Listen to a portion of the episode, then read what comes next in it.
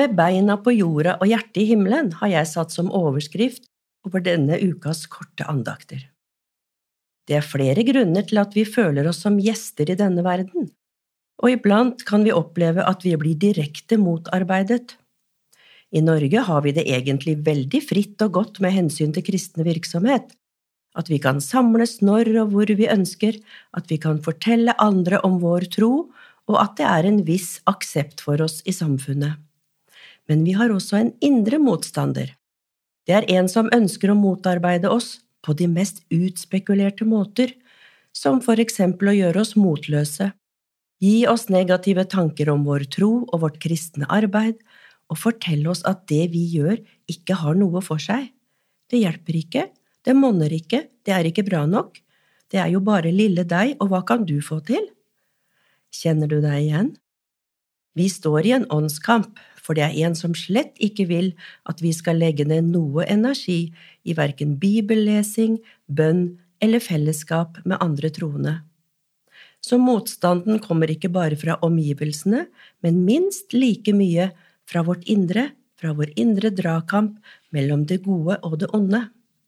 Men er Gud for oss, hvem er da imot oss?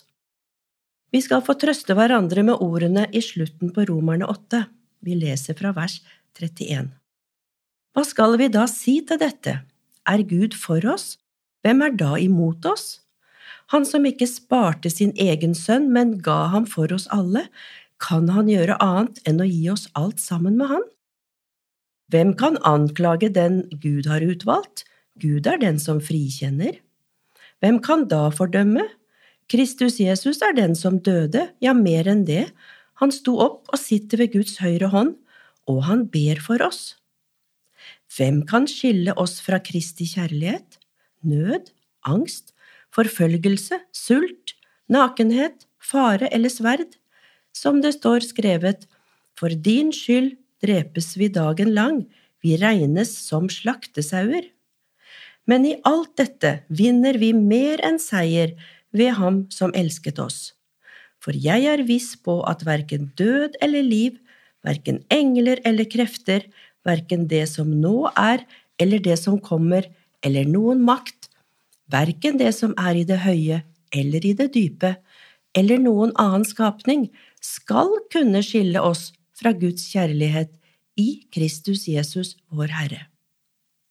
Dette er min hilsen til deg i dag.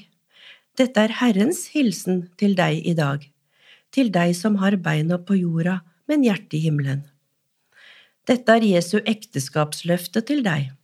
Ingen kan skille deg fra Jesu kjærlighet og omsorg, og han ber for deg, i dag og hver dag. Han venter på å få deg hjem til den store bryllupsfesten i himmelen.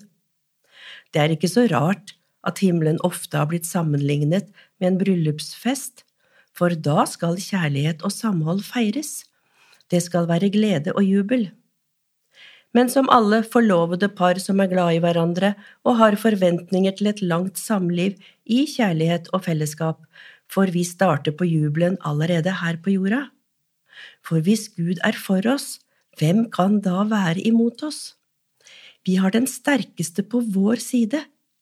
Han går ved min side, han leder min gang, han blir ikke trett, han som jeg, og nådig han vokter meg livsdagen lang, han sviker ei, svikter meg ei. I sanggruppa på mitt lokale bedehus synger vi en sang som er satt sammen av to, hør nå. Herren er den som vokter meg, ingen annen hyrde trenger jeg. Han er den som leder meg til trygge steder, der hans fred og hvile venter meg.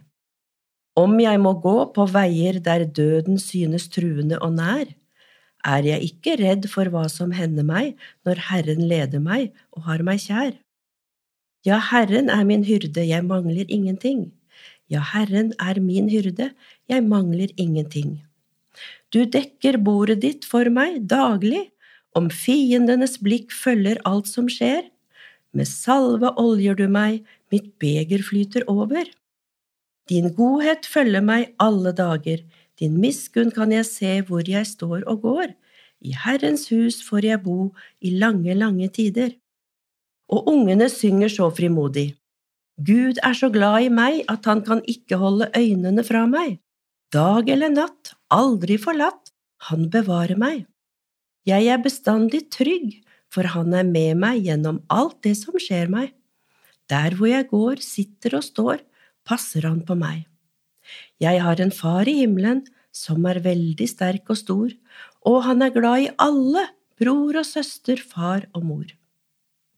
La oss trøste hverandre.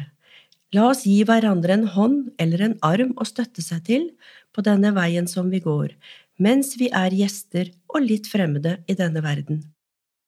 La oss oppmuntre hverandre til å gjøre det vi kan for Guds rike mens vi er her, og la oss hjelpe hverandre framover til den evige stad, det nye Jerusalem, som det ofte kalles.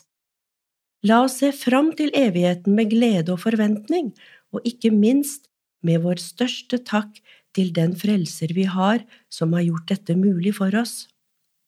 Filipperne 4,4 sier, Gled dere alltid i Herren. Igjen vil jeg si, gled dere. La alle mennesker få merke at dere er vennlige. Herren er nær. Vær ikke bekymret for noe, men legg alt dere har på hjertet, fram for Gud. Be og kall på ham med takk. Og Guds fred, som overgår all forstand, skal bevare deres hjerter og tanker i Kristus Jesus. Vår Far i himmelen. La navnet ditt helliges. La riket ditt komme. La viljen din skje på jorda slik som i himmelen. Gi oss i dag vårt daglige brød, og tilgi oss vår skyld, slik også vi tilgir våre skyldnere. La oss ikke komme i fristelse, men frels oss fra det onde, for riket er ditt, makten og æren i evighet. Amen. Det sa Grete Slettmoen i Over en åpen bibel. Norea har produsert andakter siden 1956, for vi ønsker å styrke kristne i deres tro ved å løfte fram Bibelen som Guds sanne ord. Les gjerne mer om oss på norea.no, og følg oss på Facebook.